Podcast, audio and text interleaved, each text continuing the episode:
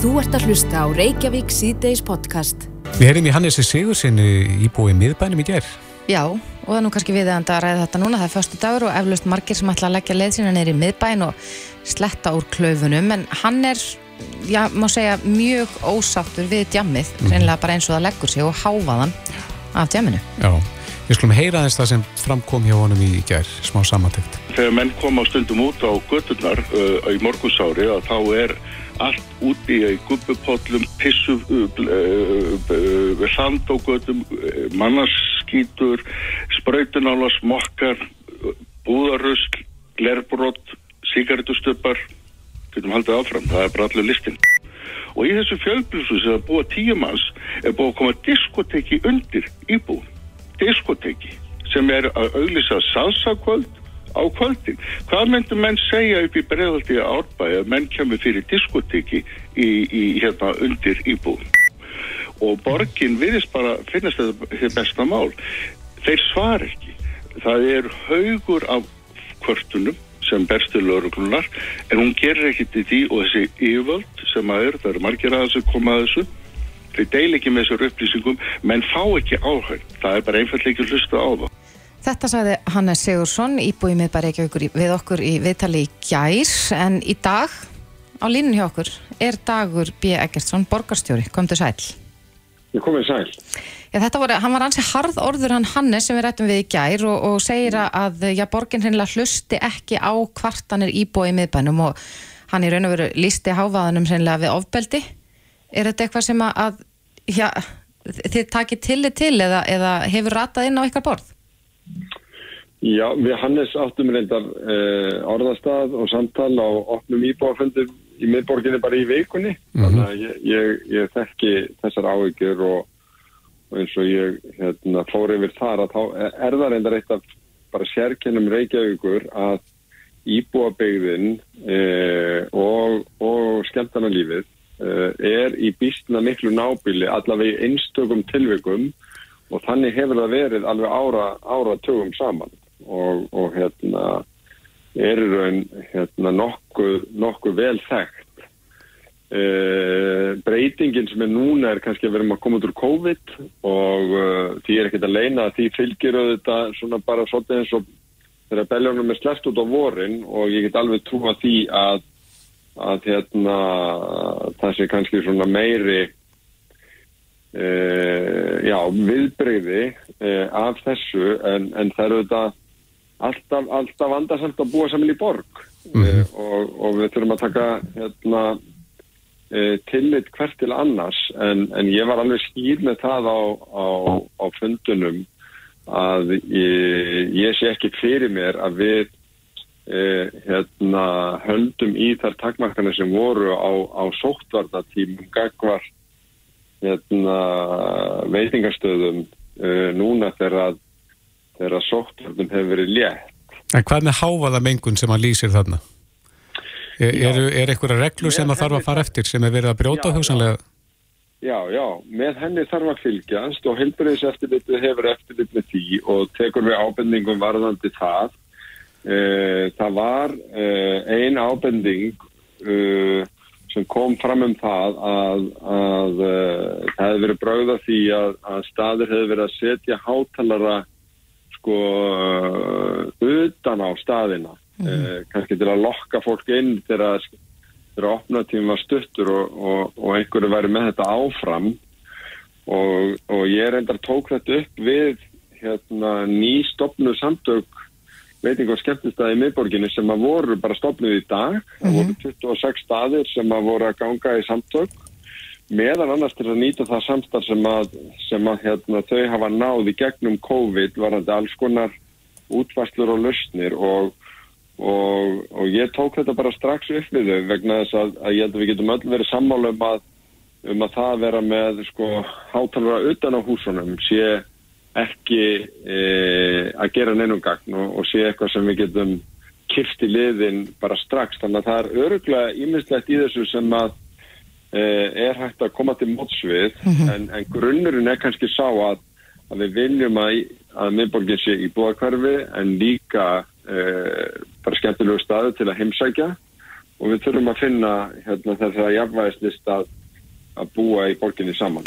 Hann sagði hann Hannes í gæri, hann talaði sérstaklega um sko bassan og að, að húsin sem að margir þessir skemmtistæðir eru í eru nú kannski ekki endla gerð fyrir diskotek þar, þar sem að hljóðmengunum á milli hæða getur verið gríðarlega og, í raun og veru líkt þessu mikið við eða fór að bera saman kannski Reykjavík og aðrar borgir þar sem að lögregla og, og, og ja, borgar yfirvöld væru fljótar að grýpa inn í ef þetta færi ja, yfir svona velsæmismörk má segja.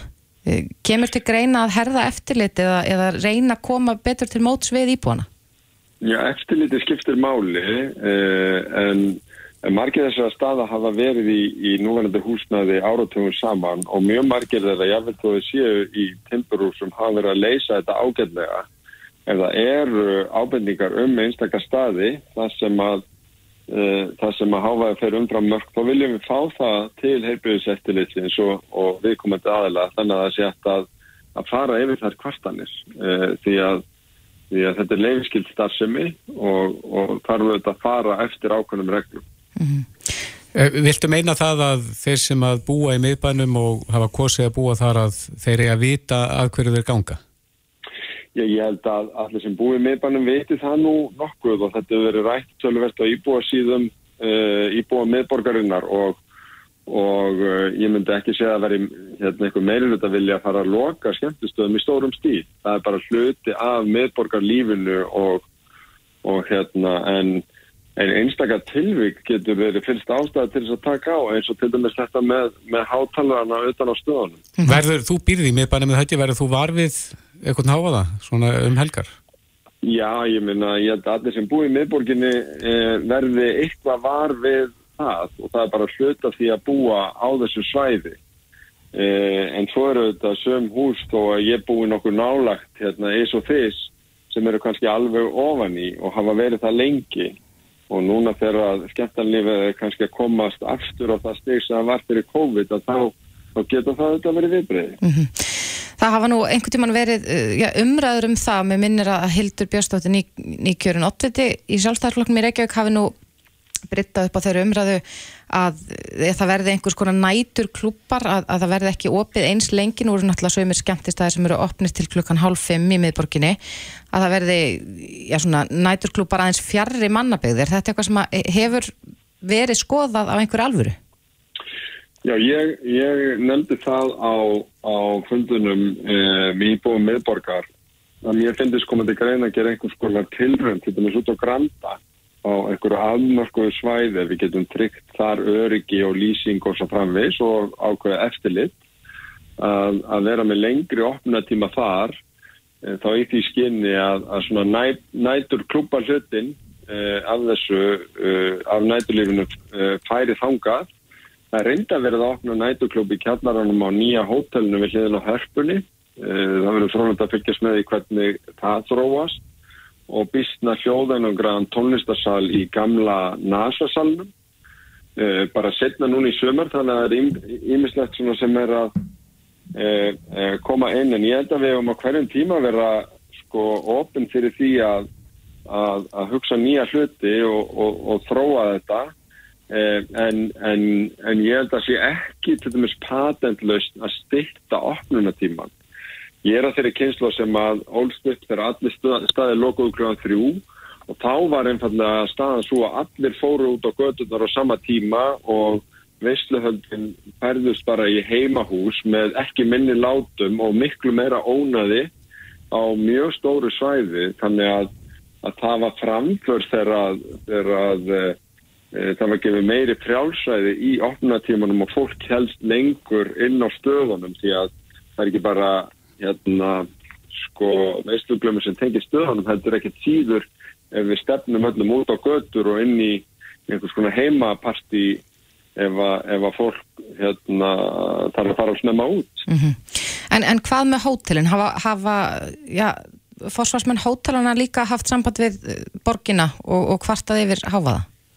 Ég man eftir einstakar dæmum um það en uh, ástæðan fyrir því að miðborgarhóttir eru líka vinsæl er að þar er mannlífið og þar eru veitingastæðinir og þar er skemmtanarlíf. Þannig að ég held að það uh, sé nú blanda. Uh, hótelin eru líka ágætlega hérna, hljóðinongruð ef, ef svo má orði komast og, og þó að þetta séu einstök dæmi þá gengur þetta, þessi sambúinu bara að mörgu leiti vel. Eh, ég ætla líka bara að fá að sko, nefna það að við vorum bara fyrir í dag að skrifa undir raun samkómula og sáttmála við 26 skemmtistadi í miðborginni um örugt skemmtarnalíf. Uh, og þar eru staðin að binda samtökum með okkur og með lauruglu og með slökkvilið og öðrum eftirlisaðilum að, að, að svona auka öryggismenninguna og ákveðin viðbúnað og svona ábyrg sem að staðir taka á sínum nánastu umhverfi og við erum að tjekta samstarfið og, og mér finnst bara ákveðið tækifæri því að, að nota þetta samstarf líka í að hérna, koma svona ábendingum frá íbúum og framfæri við þá sem er að reyka staðina. Já, gott að heyra. Eh, Dagur B. Egertsson, borgastjóri, kæra þakki fyrir spjalli og góða helgi. Takk fyrir ásum með leðis. Þú ert að hlusta á Reykjavík C-Days podcast. Já, það er óvægt að segja að þetta hefur verið viðbörarík vika í pólitíkinni. Svo sannarlega. Og það er sérstaklega þegar það kemur að málefnum ríkistöðnarinnar. Já, það Vikan byrjaði nú á, á fréttum af uh, atvikinu á búnarþingi þar sem Já. að Sigur Ringi létt umælu um hann að viti sér hæsleifalla sem að þóttu óviðurkvæmileg. Já, sæ, sættir af að nást í því máli og, og það gerist í dag. Já, en svo þetta salan á Íslandsbanka hefur verið allra vörum undan þarna daga, kannski mm. sérilegi eftir að, að listinni við kaupendur var byrstur og uh, Við settum inn spurningun á vísi.is í gær þar sem við vorum að spurja um, um tröst til ríkistjórnarinnar. Já, hversu mikið tröst berð þú til ríkistjórnarinnar og uh, svarmöguleika voru mikið nokkuð lítið ekkert. Og það voru 70.000 sem að tóku þátt í þessari konun og þeir sem að segja að spera mikið tröst til stjórnarinnar eru 17,9% nú nokkuð 16,3% uh, lítið 27,3 og ekkert tröst 38,6% stærsta einstakka kakan þetta Já, hátæflega 40% Já. Já, en við spurðum nú Katrín Jakobsdóttir aðeins að þessi gær og, og hún sagði að fyrir helgi hefði trösti ríkstjórnuna mælst vel mm -hmm. og það gætu þetta að hafa breyst og alltaf meða við þessa viðhórskonuna að það var þetta nú ekki mikið tröst Nei almennings. Gefur aðeins að bátinn þetta, en uh, talandum uh, eh, stórumálinn, það er náttúrulega Úgræna, mm -hmm. er annað stórt mál í, í heimsmálunum. Svo sannarlega og við heyrðum hér í frettum áðan að eh, Ísland er eina norðurlandaþjóðan sem hefur ekki vísað rústnenskum embættismönnum úr landi mm -hmm. og þetta var nú til umræðu á þinginu í vekunni varðandi stöður úsneska sendiherrans á Íslandi og það var hún Þorbjörg Sigriður Gunnlaustóttir þingum að viðreistnar sem að vakti aðtikla á þessu og hún er hinga komin, kom til sæl Sæl Já, þú, þú eh, sást ástæðu til þess að ræða stöður úsneska sendiherrans á Íslandi í vikunni mm -hmm. Ættu að vera búin að já, vísa honum brott? Ég held að við ættum allavega að vera að horfa til þess hvað aðrar þjóðir er að gera og hvernig aðrar þjóðir er að bregðast við og hugsa það eins hvernig við, hvað, hvað við getum lagt til.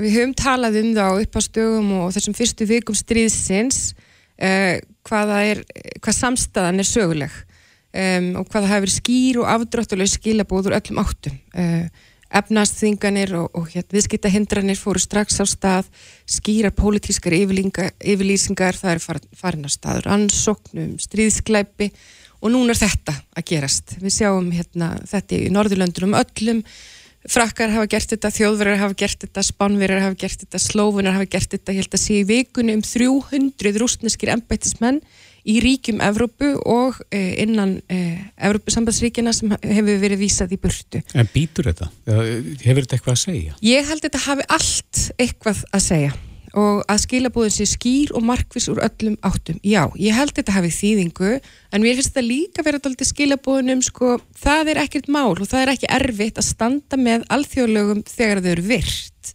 Það er að þegar þau eru brotin, jafn alvarlega og við sjáum í þessu stríði á halvu rúsa sem að reynir á það hver okkar afstæða er til þeirra og maður heyri það svona sem mótrök að, að þetta myndi þá kannski þýða það að e, Íslensk starfsfólk e, í sendiráðan í Rúslandi er því vísað heim.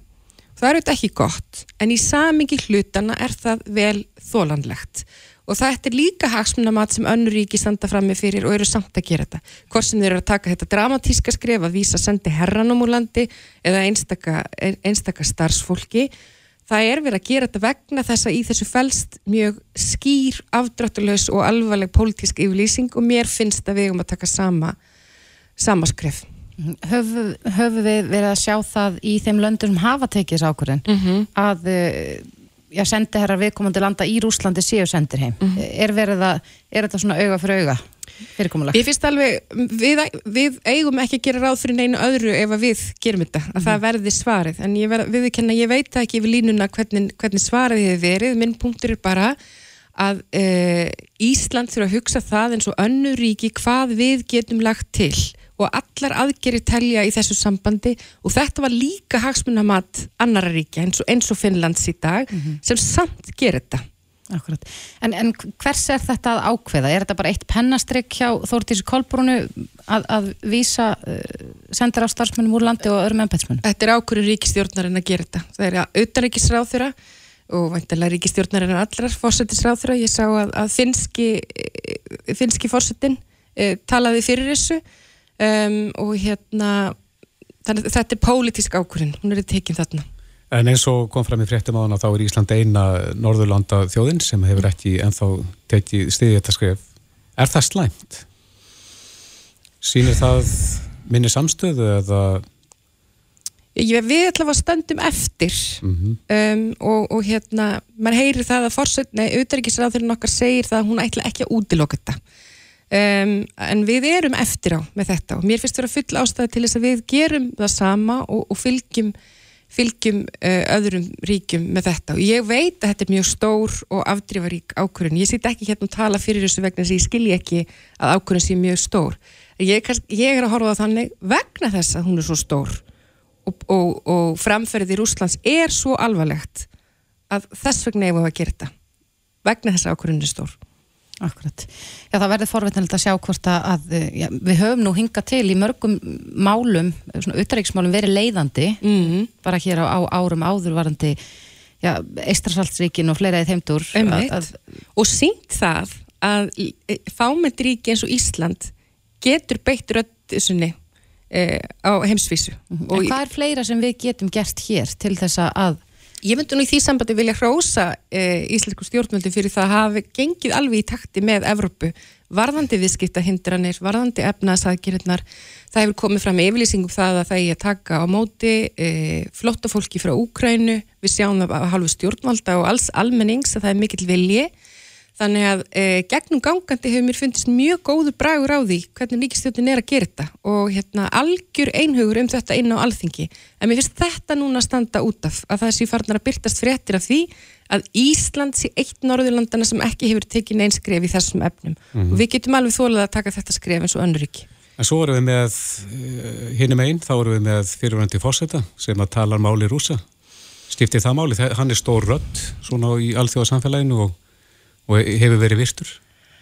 Já, ég hérna það skiptir auðvitað máli og það, það er erfitt að sjá það að, að fórseti Íslands fyrirverandi tali með þeim hætti sem hann hefur að gera á, á, á samfélagsmiðlum uh, auðvitað skiptir það máli og auðvitað hefur það þýðingu. Hvaða þýðingu getur það haft að það komi svona rött frá fyrirverandi fórseta hérna? Ég meina þetta er bara það kannski það sama og við höfum rætt í samingi við mál Sigurður Inga, þetta, þetta, er, þetta er ekki persóna á tjási þetta er fyrirvirandi fórseti Ísland sem er að tjá sig með ákveðnum hætti sem ég held að sé á skjön við þjóðursálinna mm -hmm. um það hver, hver upplifun er af aðstæðum og, og ástæðum og fórsendum þessa stríðs uh, en hann er auðvitað fyrirvirandi fórseti og hérna, hann er auðvitað frjálsina skoðana en, en mér finnst uh, ekki góður bragur af því hvernig hann talar og ekki sé fastur orði hverði Nei.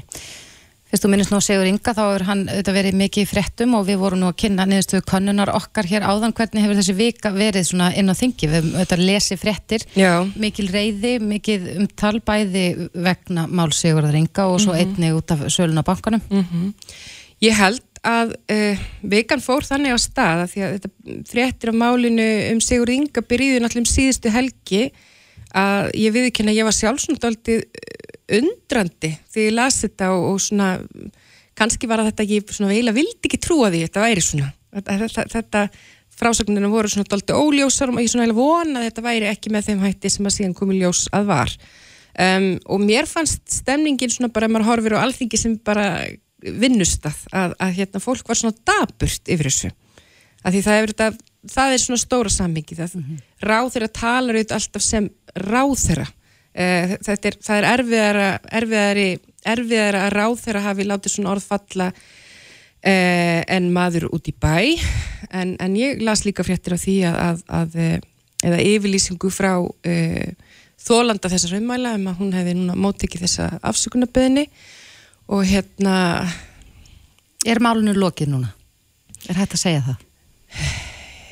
Ég, ég held að veltum svo á því hvern, hvern, hvernig þú sér það en það setur alltaf dalt í mér þetta með að, að hver, af hvaða ástæðum pólitískur aðstofamaður ráðhörnans var að hafa samband við fjölmila og, og segja að hlutinir hefðu ekki verið eins og þau síðan reyndust vera. En, en það eru þetta búið að byggjast afsökunar á þessu núna og svo verður bara komið í ljós uh, hvaða áhrif þetta hefur á hann pólitíst séð? Að þetta snýstu þetta um það. E, maður sér að þingflokkurinn er, er, er einarður í, í stuðningi við hann og, og, og hérna verist ekki ætla að láta þetta trubla neitt og ég heyr ekki betur en að það sé sama hjá fórsættisráður en svo, svo er það auðvitað almennings að vega og metta svona hvar línutnar liggja e, um, um svona hegðun. Mm -hmm. En varandi sölunabankanum, nú, nú uh, var gert hlið á störum þingsins mm -hmm. og þingflokksformen bóða er til fundar mm -hmm. og það er verið að taka svolítið á um það hvort að ríkisendur skoðun eigi að skoða, skoða sölunabankanum eða hvort að eigi að skipa rannsóknar nefnd og háða rannsóknar nefnd mm -hmm. og, og stjórnar anstæðan hefur kallað eftir því að, mhm. rannsóknar nefnd verið sett á lakina. Hver er munurinn fyrir, fyrir okkur almenningin? Er, er öðruvísi niðurstað frá ríkisendur skoðun og svo rannsóknar nefnd? Sko bara í mjög stuttu máli að þá það sem að ríkisendur skoðun getur gert það er svona kannski meira í formi svona almennar útæktar um, hitt er bara í eiginlegum skilningi rannsókn eins og við munum eftir bara rannsókn nefnd alþingis. Uh, það er að kalla menn fyrir, skýst, uh, fyrir nefndina um, og óhafði hvort þér vilja koma eða ekki. Þannig að maður horfi bara á þessi, þessa, þessa tvær leiðir að þá er hérna rannsóknar nefnd alþingis með töluvert betri verkfærakistu til að, til að rína gögn, til að spyrja spurninga, til þess að fara ofin í kjölinn og getur lagt fram tillögur um leiðir til úrbóta. Er svo nefnd skipuð þingmönnum? Nei, hún er því skipuð sérfræðingum eins og við sjáum til dæmis á sérfræðingum sem er að koma fram núna í umræðinu eh, varðandi bankasöluna Um, það geta verið dómarar, það geta verið, það eru er, er sérfræðingar sem er enn skipaðir af alþingi. Er þetta langt verðli? Uh, þarf ekki vera það, þarf í sjálfur sér ekki vera það. Uh, það er auðvitað bara að vera að gera, er þið þá bara gerður upp þessi eini þáttur málsins en, mhm. hérna, en, en munurinn er bara sá að það er af ástöðu að það er verið að segja sem svo að það er betra ef það á að fara í það, fórsættisáðurinn hefur talað um það, þessi eðlilegt að, að fólk spyrji gaggrínina spurninga þegar myndin teiknast svona upp í fjölmjölum eins og við sjáum. Listin byrtist og umræðin fyrir alla staðum. Hann einhvern veginn, listin virðist manni spekla einhvern veginn allt aðra hugmyndafræði um sölu heldur en, en, en var kynnt fyrir þinginu. Það sem var verið að tala um stóra fjárfesta og, og þið munið þetta allt saman. Svo byrtist listin og hann einhvern veginn hann rýmar ekki alveg við þá sögu að þegar fósættisráður hann segir það er eðlilegt að við spyrjum gaggrínina spurninga þá kemur kannski næsti punktur að það þarf eðlilegt líka að við förum þannig í það að svara þessum spurningum að við fáum öll svör upp á borðið. Ekki bara tölutnar heldur hver er voru fósendurnar, hver var fórsagan hvað breytist í millitíðinni. Við erum til sala upp á 52 miljardar á nokkrum klukkutímum. Það er gríðarlegar hagsmunir almennings í húfi og til þess að ég hægt að halda áfram með þetta ferli um, þá, þá verður þetta líka ljóst fyrir hvort að hafi verið að vinna eftir þeim ferli sem var lagt var upp með. Mm -hmm. En eru líkur á því að, að, að þessum að fara, fara í bæði þessi ferli, sko, fyrsta ríkisendur skoðun takit út eins og mér heyrist á ríkistjórnina að verði gert já, já. og svo rannsóknu nefnd, er, er, er það ekki... Það er alveg hægt að þetta er í sjálf sér tvent ólíkt, ég myndi segja, heitir svona langtum, langtum, hérna, mýgri leið að fara í, í, í þessa stjórnsíslu úttækt sem þau eru að tala fyrir. Og það má í sjálf og sér alveg gera það þannig að þessi byrjað á því og síðan farið í rannsóknunemdina en kannski vegna þess að manni finnst svo borðleggjandi, núna er komin fram yfirlýsingar um það að lög hafi verið brotin. Eh, það virðist sem að, að samsetningin og þeim sem er að kaupa síðan önnur en svo sem var lagt upp með. Og þegar komnar svona stórar krítiskar spurningar eh, og punktar, afhverjum ekki þá bara fara strax í það úrræði sem er sérstaklega hannað í þetta? Við eigum lög um rannsóknar nefndir alþingi sem er bara sérsniðið úrræði að svona viðfangsefnum. Mm -hmm. Þorbjörg Sigriður Gunnlaustóttir Þingmaður Viðreysnar Kæra þakki fyrir komuna. Takk fyrir mig. Þetta er Reykjavík C-Days podcast Já, og, svona alltaf verið að reyna að kenna okkur að, að sofa betur. Já, við tölum nátt um þessa heilu þrenningu, mataræði, reyfing og svo svefnin Einmitt. til þess að við haldra góður í heilsu mm -hmm. en uh, nú á dögunum byrtist grein í læknablaðinu um uh, já, svefnvenjur Íslandinga og var spurt þeirra spurningar er svefn Íslandinga að stittast og Bryndís Bendiktsdóttir, lækni við lækna til Háskóli Íslands er ein af þeim sem er eitthvað þessa grein og hún er hinga komin, kom til sæl Sæl og blessuð, takk fyrir að fá að koma. Já, bara glæsilegt að fá þið hingað, en, en eh, já, náðu þið að svara þessari spurningu, er svefn Íslandinga að stýttast? Já, við, það sem við gerðum, raun og fyrir orsakinn fyrir því að við fórum að skrifa þessu grein var það að það var mikil umræði fyrir að voru með að lækna landsbítalum sem spurði þessu býta á hvaða leið er umræða um svefnir á Íslandi. Mm -hmm okkur fannst það að hún snýrist yfirld um það að fólk svæfi allt og stutt og, og þessi stuttisvefn hann orsakaði það að fólk bara vektist að sjúkdómum eins og sikursíki og háþristingi og hjart og æðasjúkdómum og, og hann að fólk yrði bara að sofa lengur og þannig að við fórum að spyrja okkur býtu er þetta rétt? Og það var til þess að við ákveðum að fara bara yfir þær rannsóknir sem, sem hafa uh, verið gerðar um svefn bæði batna, úling og fullorðina bæði á Vesturlöndum og það sem við höfum á Íslandi til að reyna að svara þessu spurningu. Er við að sofa stutt? Og fundið þið svarið? Um, sko það, já það má segja það. Við fórum mjög nákvæmlega yfir þær rannsóknir sem hafa verið gerðar uh, fjölþjóða rannsóknir sem hafa verið gerðar á Vesturlöndum og þær sína ekki geta ekki sínt fram á það að fullorðna sé eitthvað að stittast hann er bara eins. Og þá eru við kannski að horfa tilbaka hundrað ár. Og það sama gildir um börn. Við eigum, það eru til alþjóðaransóknir á svefling batnali frá 1908 þar aftur á móti hefur komið í ljós að svefbatna er að stitta, hefur stist þegar maður skoða þetta á tímabilinu 1908 til 2008 þá sá maður að svefbatna hann eh, stittist um 0,75 mínútur á ári. Mm -hmm. Þannig að vissulega hefur svefbarna stist en það er enginn sem segir það að þau sof ekki nóg. Og það sem torveldar alltaf þessar eh, rannsóknir á sveflengt er það að þetta eru lágflest sko, eh, þversniðsrannsóknir. Það eru ólíkir hópar sem eru skoðaðir, ólíkur tæki og aðferði sem eru notaðir þannig að það er svo oft erfitt að segja að draga álöktinir að því maður þarf að hafa langtíma rannsóknir en þær langtíma rannsóknir sem hafa verið gerðar þær sína það að e, á Vesturlöndum að þá er sveppfullorðina ekki að lengjast e, rannsóknir núna setna ár meiri segja að gefa þetta kynna hans í að lengjast. Já, ekki að steytast heldur lengjast. Já og hann er, hann er hann hefur stist en eins og ég segi við veitum ekki hvort að það hafi ykkur klíniska þýðing En akkur haldið þið að þessu sé þá haldið fram? Ástæðin fyrir því að þið fóruð í þessa rannsókn að skoða þetta voru þessa fullriðingar Já, vegna þess að fólk hefur mikið, mikið náhuga á söfni og það er mikið umræðum söfni þjóðfélagum, það er bara afinu góða.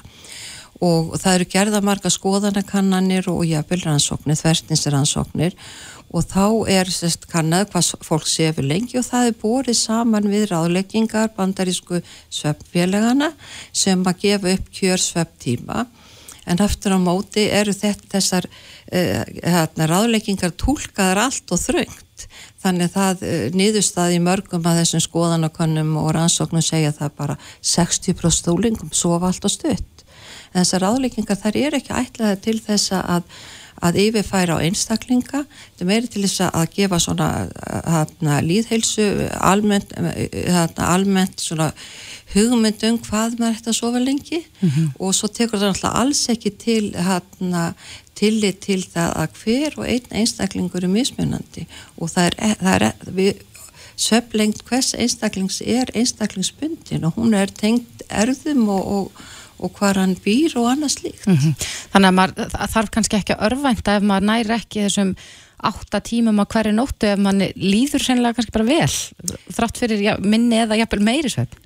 Það held ég ekki. Ef við, sko, eitt er þetta með, ef við skoðum þetta, hvað, hvað er að baka þessa fullirðingar um það ef að þú sefur stutt að þá að þá fara þessa sjúkdóma. Margir eru döðrættir koma til okkar lækna og segja ég er með svefnur og veistu það ég sef bara ekki nóg, ég sef bara nær mjög sjaldan 8 tíma svefni. Er ég ekki bara í hættu, ætti ég ekki að taka reyni svefli og reyna bara að sofa lengur. En málið er það að, að um, þegar maður skoðar tengslinn við eh, milli svefn, lengdar og heilsu þá hefur alls ekki við, það eru tengsl við stuttansvefn og ekki síður langansvefn. Stuttursvefn reknaðum með undir 6 tíma, langansvefn er yfir 8 tíma. Teng, það eru greinileg tengsl millir þessara að sofa stutt, sofa lengi við það að fá þessa sjúkdóma eins og sykusíki, háþristing, hjarta áföll, heila áföll, minnisglöp og ekki talið upp allt mögulegt annað. En málið er það að þetta eru tengsl, það hefur ekki verið sínt fram á það að stuttur eða langur svefn orsakið þetta. En þeir spyrjið hérna í greininni hversu lengi þarf að sofa?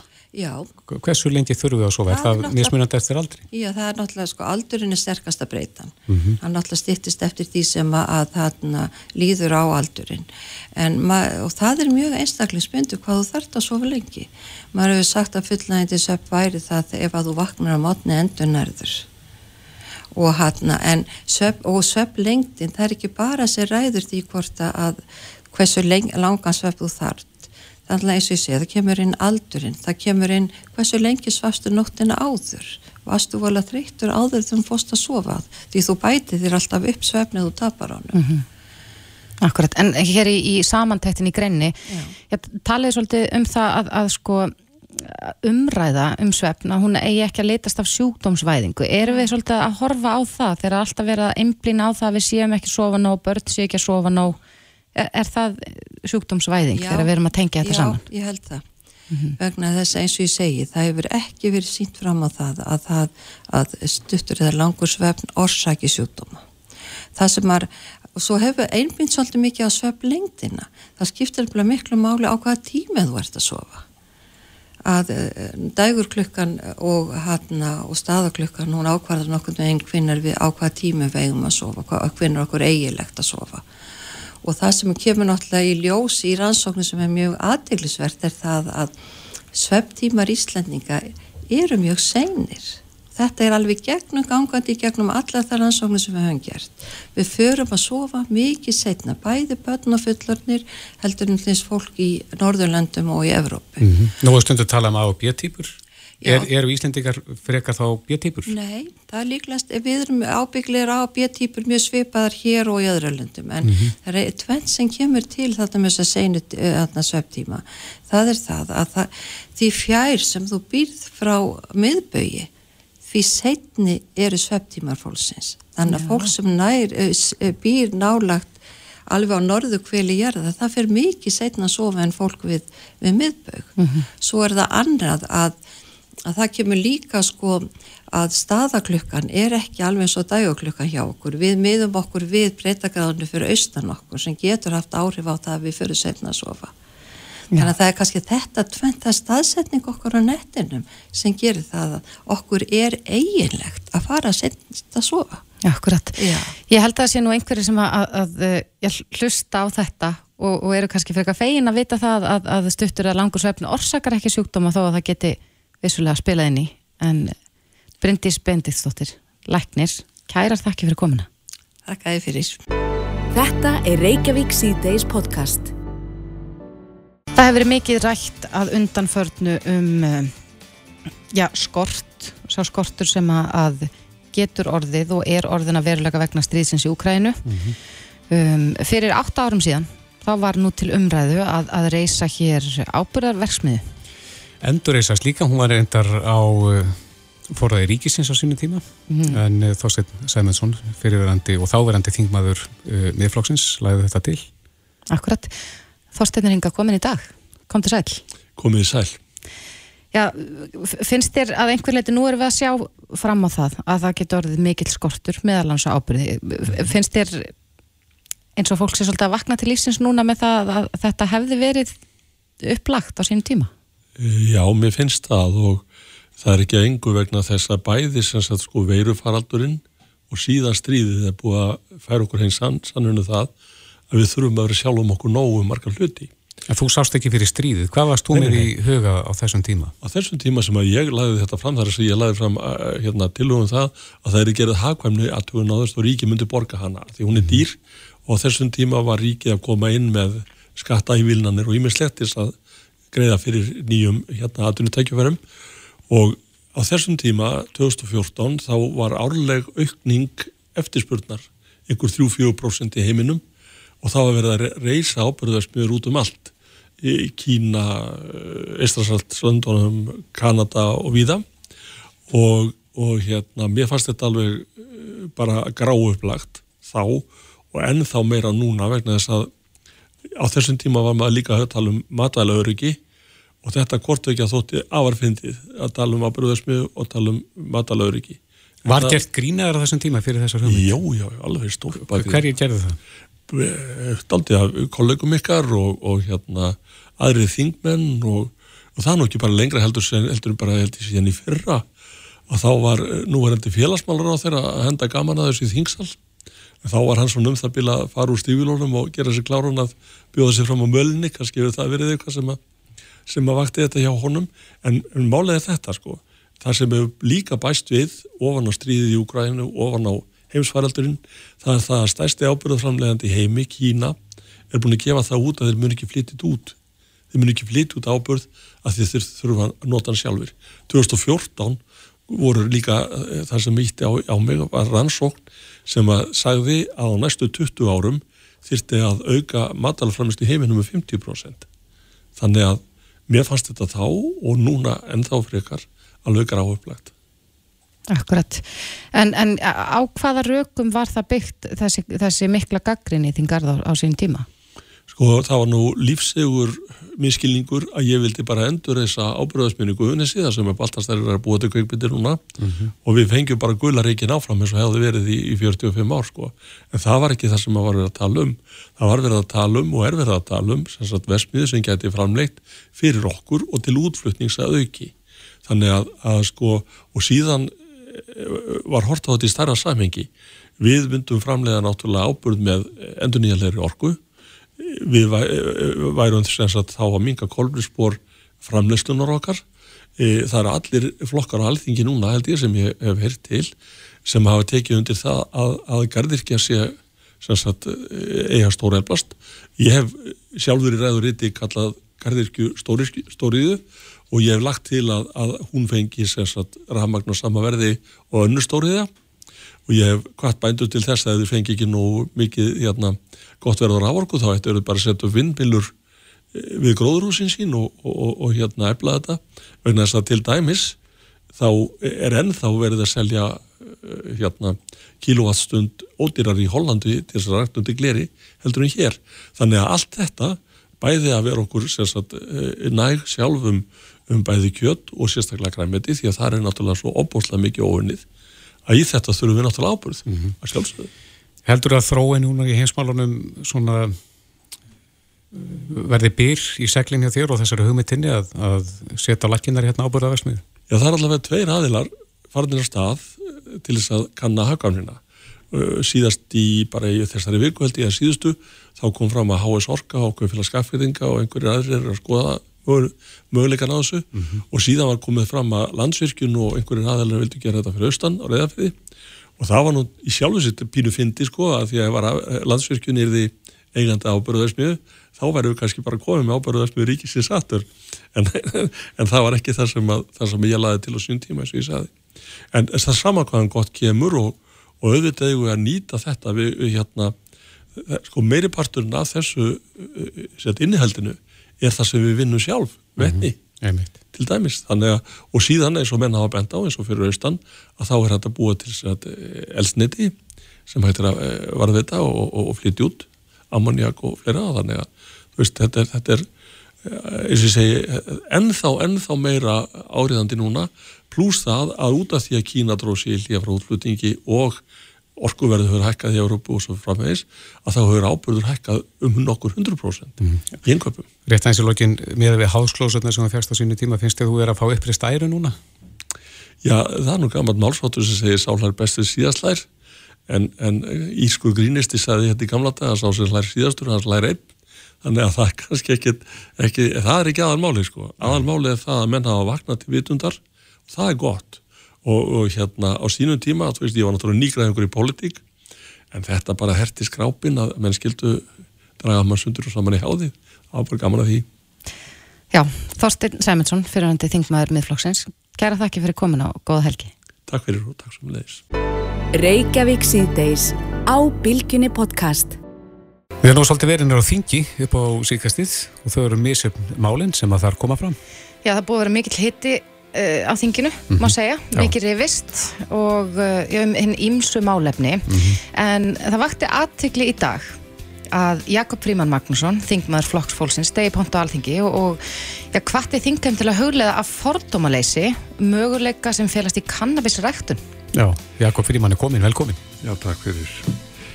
Það er best að byrja því að uh, ég er alls ekki að hvetja til kannabis neslu, Nei. reykinga eða sliks.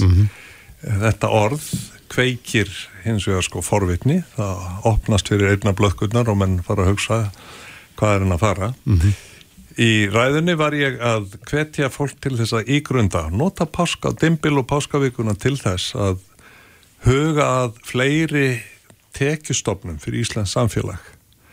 Og meðal þess ég nefndi uh, var svona sá tvískinningur sem fælst í því að við erum að framleiða fíknefni í fljótandi formi, bjór og áfengi hérna til bæði innlendrar og erlendrar uh, hérna neyslu. Og síðan um, erum við uh, hérna búin að lögleiða hamp sem sko innvöru. Innarhampur, það er nú Innarhampur, kannabis. er að, já, já, en sko kannabis er flutt inn til Íslands í livjaformi til lækninga og selt á opnum markaði, bæði með og án livsiðils og það er löglegt í Kanada og það er löglegt viða í Bandaríkjum og víðum heim. Um, þessi jört, hún hefur sínt sig að sem verkjalif og sem ím, sem eh, sko veitir ímsa bót eh, í, í því samingi sem að, sem að livja heimurinn er og það eru þetta kemísk efni eh, hafa þau verið svona í fyrirrúmi uh, ég ítrekka ég er ekki að hvetja sko til kannabis neyslu eða auk, auk, aukinnar neyslu og fíknefnum á neinu toga En hún er í gangi. áfengist þar með en að sjálfsögðu er hún í gangi hér á Íslandi uh, þú veist það er, það er mikið nota hér af af kannabisefnum eins og í flestum löndum í kringum okkur. En sér þetta fyrir þá sem bara sennilega til útflutnings? Ég, ég er að leggja það til að við högum núna, ég kvatti þingmenn til þess sem eru alla daga í því að samþykja lög sem að fela í sér kostnað fyrir skattgreðendur, þegnana, að núna að leggja sérstaklega áherslu á að ígrunda og ég kvatti til innferðar íhugunar sem að hér er neðurgreit af kveimindagera mennunum David Lynch og Sigurjónu Sigvartsinni Fiskað í djúpinu heitir bók David Lynch sem að það sem hann segir sko með einhverju íhuguns nærðu bestu hugmyndunum úr undir meðutundinu upp á viðborðið og ég var bara, ég nefndi víhugun, við erum aðeins að stoppa þar, er, er þetta eitthvað á par við hugleðslu? Já, já, þetta er einn fræga um, bítla hugleisla Maharishi. Ma Maharishi, Maharishi. einhver víkun er sem sagt búin að vera það er búin að kenna hann á Íslandi í áratíi og meina að segja foreldrar Andriðsar Inga Jónssonar Þingmanns voru helstu ármenn einhverjar íhugunar uh, hér á, á, á rétt hjá hveragerði og, og, og þetta er gríðalega öflugt tæki til þess að komast í algjörðat kyrð bara eins og renni slétt uh, vatn, slétt tæmir hugan á öllu og þá koma til þín bestu hugmyndirnar. Ég kvatti til þess akkurat á þessum tíma ársinn sem að er vel til þess fallin. Og ég nefndi fleira sem er á gráu svæði. Bí- Á, áður við fyrir mig yfir það, serðu að hún nefndi hveragerði, Já. serðu fyrir að garðeskibændur í hveragerði geti bara að fara að rækta kannabis á Ég er að sjá fyrir mér að ef, að- ef við tökum umræðinu um þessi mál og það að, að nefna umdeld mál, viðkvæm mál á gráum svæði sem að geta fengið fólk til þess að rýsa upp á afturfæturnar og, og mótmæla á þess að sé búið kannski að einu svona meðtaka hvað er verið að fara með þessu. Þetta er örlítill Þetta er örlítil brella í vitundarvakningu sem ég tel afar mikilvæga og, og hérna ég bara nefni þetta orð, þetta bannorð til þess að það komi þá að aflokkinu dimbil og páskavíku einhverjar enn aðrar og fleiri og ég vil betri hugmyndir til tekjuöflunar fyrir ríkisjóð. Þú veist með einhverjar hugmyndir þar Já, ég er, ég er bara að kasta inn sko, því sem við erum þegar að leifa.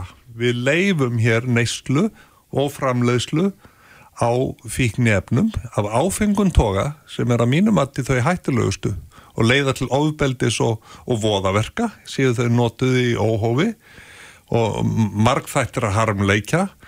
Eh, sko kannabisjurtin er, eh, og ég, mér vitanlega er hún ekki sko leiður hún ekki til ofbeldis eða, eða ill virkja það er mestalagi að fólk verði allt í latt og væru kært og hláturmylt en jurtin sem slík hefur sanna gildi sitt sem lækningajurt og við viðurkennum hana sem slíka og flytjum hana inn sem slíka í pilluformi eða oljuformi og ég bara segja þeir sem eru algjörlega mótfallnir eh, orðinu komin á og leggist undir feld komið hugmyndir sem geta staði ströym að þessum ofbóðslegu skuldbindingum og sífælt hækkandi álugum sem að hengdur um hálsin á íslenskum skattgreðendum og við í flokki fólksins erum með fólkið í fyrirrúmi, fólkið fyrst svo allt hitt, við viljum að það hér sé engin fátækur með tóman ískáp um meðamánuðin og úr því að það er ekki búið í hennu ríka samfélagi okkar að gera það fyrir það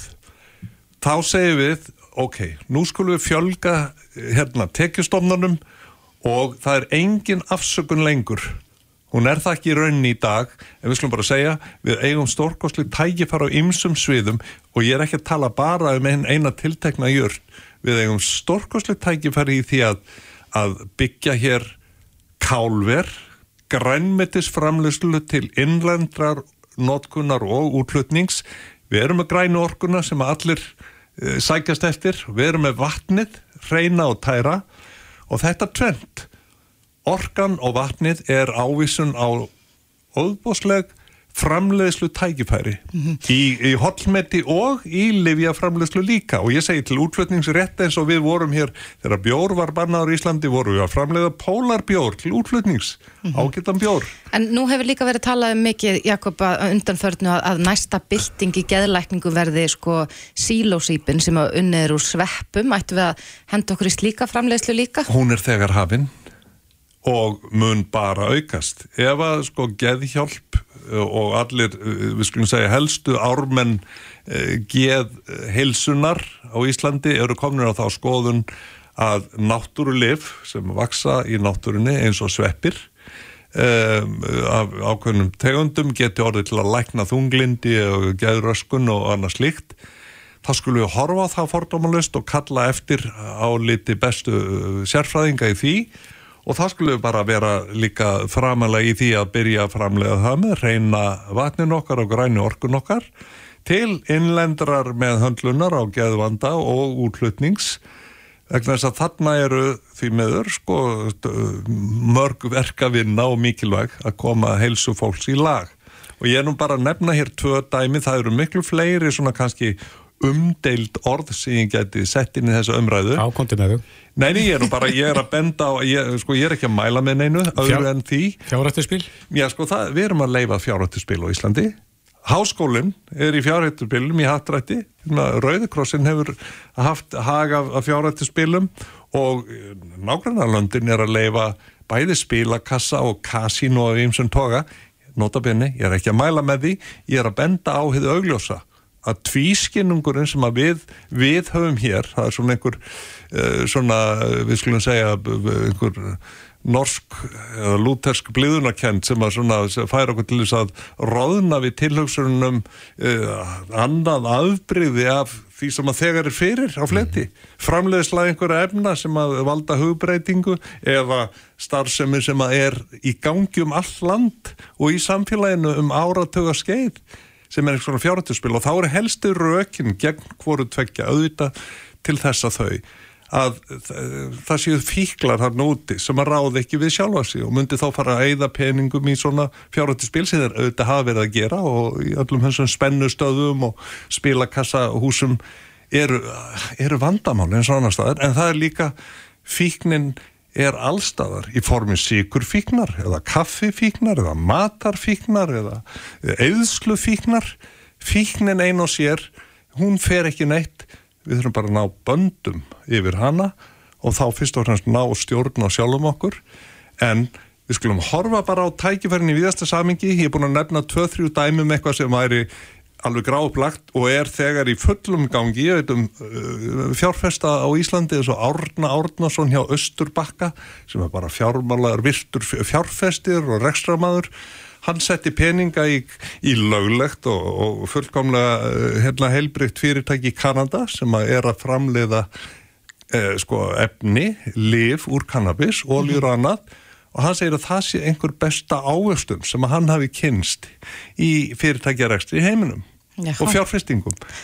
Tölum um þetta opinskátt, reynd og beint. Já. og ég er ekki að mæla með lögleðing og einaðin einu, ég er að mæla með umræðum og þangatangi innan alþingis og utan.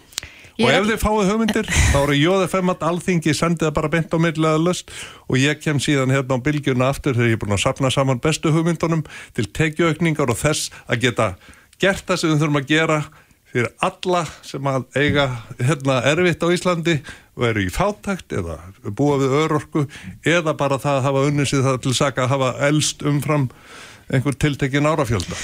Ég er allavega mjög spennt að sjá hvort að eh, já, þingmenn, aðrir en þú, muni stunda innhverfa íhugun í dimbilvíkunu við páskana og hvort við sjáum einhvern mun kannski eftir, eftir fríð. Ég er búin að stunda einhverfa í hugum síðan var unglingur.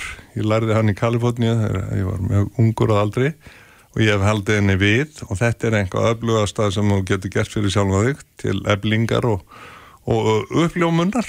Og ég held að það sé nú sem beturferð því fer fjölgandi því fólki í heiminum sem gerir sig grein fyrir heilsu eflandi áhrifum slökunar og íhugunar hverskins toga. Og hlusta á í bláum skugga kannski um leið? Það má hlusta á allan katalógin og tónlistin er þetta það besta sem við getum gert fyrir sjálf okkur. Hún vikar og stakkar upplifunar velíðan hvers konar. Jakob Fríman Magnússon, þingmaður kæra þækir. Þingmaður.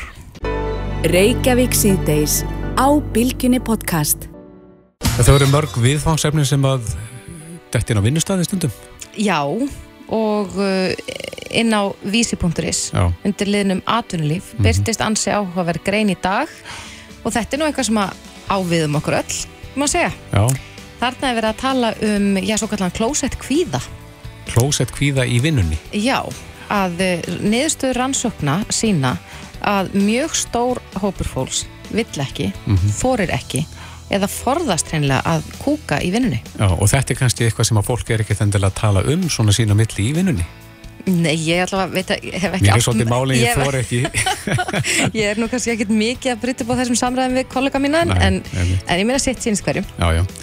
En Rakel Svensdóttir, reittstjóri atvinnulífsins á vísi.is er á línu, kom til sæl. Já, sælverði. Já, þú gerir þetta í þínum skrifum. Þe- Þetta er, er, er þetta staðrind og búið að kanna þetta?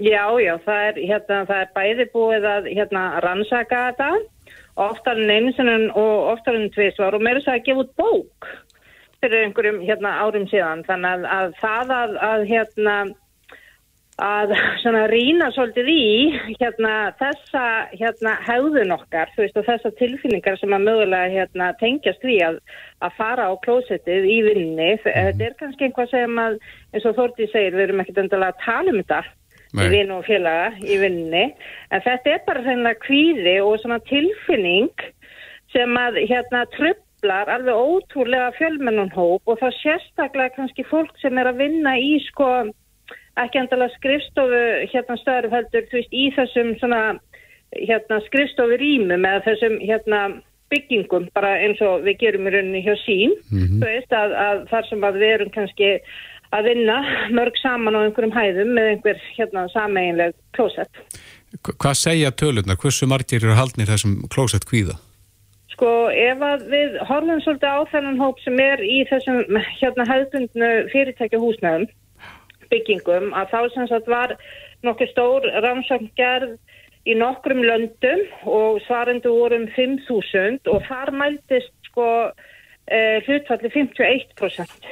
Var það sambarlegt 51? milli landa? Já, það hérna virtist vera og það kom líka fram í bók sem hann var gefin út hérna árið 2012 að hérna að þar sem sagt hefur það reyndar hérna verið að sína sig í einhverju rannsóknum að, að þetta tröflar konur jafnvel aðeins meira heldur en kalla en þó ekki þannig að þetta sé sko einhver kvennakvíði. Það er bara fjölmennur hópur af fólki sem að bara á ekkert rosalega auðvelt með það að fara á klósettið og kúka í vinninni. Jáhá, en er eitthvað sem að, sem að, að sko, ég er reynilega vinnuveitundur geta gert til þess að auðvelda fólki lífi sem að, þjáist af þessu? Já, við tökum einmitt á því í hérna greininni, þú veist, það eru, sko, það eru nokkur ráð sem við getum í rauninni gert eh, bara sjálf, þú veist, hérna, að því að, að það er búið að reyta svolítið, veist, mikið um þennan klósett kvíða, veist, við um heim og það eru alls konar leiðir sem að fólk er ofta að fara, veist, þess að, sko, þýkjast ekki vera að kúka í vinni, þú veist, fara á næstu hæð eða út úr húsi eða, þú veist, eitthvað, skilur við, en hérna, og við getum gert ímislegt þess að þess að hérna svona milda áhrifin, þú veist, frá því að setja klósettblöð í, í klósettskálina til þess að milda umhverjusljóði eða, eða tíma setja það vel hvernig við förum út af klósettinu og svo framvegis. En vinnuveitundur, þeirra hlutverk er kannski, þú veist, að sjá um til þess að, að hérna, að það séu, þú veist, alltaf til staða þessi sprey, þú veist, sem að hérna við getum þá hérna gripið til og, og það sé hugað mjög vel að öllum friðum og hérna og eins líka þú veist helst að hanna hanna rýminni með tannig að, að þau séu ekki bara þannig að maður getur loka sig afheldur þú veist líka kannski ekki það stór að það myndist einhver hefði í fyrirtækinu að fara á svona smá spjall inn á klósetu því að þú veist ef það eru kannski sem einhverja tvær konur sem fara bara varlit og segja spjalla og einn sittur inn á klósetu er að reyna að gera sitt og þá bara svitnar hún ennþá meira þar sko. Er það óttinn við að stíla eftir sig einhverja lykt sem að ræðu mestu þarna? Þetta eru samkvæmt rannsóknum, þá er þetta hljóð og lykt og það er eins og upplifunin sérunni svo að, að þú sérst að óttast hljóð og lykt sem einhvað sem að þú síðan skammast eins og mikið fyrir ef uppkemst að þú veist að það er, það er tilfinningin sem þú veist að reyna að forðast að, að líða þú veist svona neyðarlega eftir klósettferðina þú veist. Og, og eitt af því sem við bendum einmitt á er að hérna að, að, og við þurfum kannski öll að vera svolítið meðvitið um að, að hérna við þurfum að fara svolítið valla í það þegar, þegar við erum einmitt að gera grín kannski á vinnustad af einhver, einhverju skítaliktin á klósetti. Vegna þess að það er rauninni sko það getur vel verið þú veist að, að hérna einhver, einhvað þannig djók myndi alveg virka á þennan sem væri verið að stríða en það eru kannski aðri sem heyra í kring þú veist og eru að klást við klósettkvíðan og eiga það bara ennþá erfiðar með að taka þess að stóra ákvörðun að fara á klósett En svona miðið við þetta, þá er kannski einhver partur af starfsmönum í fyrirtækjum sem að einfallega bara haldi í sér þannig til að koma heim. Já, það er nefnilega hérna eitt af því og, og náttúrulega væri engin læknir sem myndi kvitt upp á það sem, sem góða ákvörðun fyrir líkamann.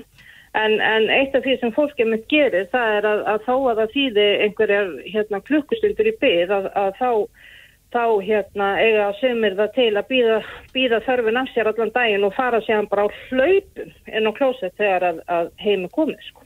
Jáhá. Já, þetta er aðteglisvert og ég held að það sé bara gott að, gott að minna sig á það ef að maður er að glíma við slíkt að, að þetta er eitthvað sem að allir, gera. gera. Já, þetta er Allir náttúrulegt. Akkurat. er- kallar, það er ekkert, maður verður að svara því kallar. Já, við eigum ekki að vera feimið við þetta. Einmitt. Rakel Sveinsdóttir, reittstjóri aðtunulífsins inn á vísi.is. Kæra þakki fyrir þetta og góða helgi. Takk sem leiðis og góða helgi. Takk. Hlustaðu hvena sem er á Reykjavík C-Days podcast.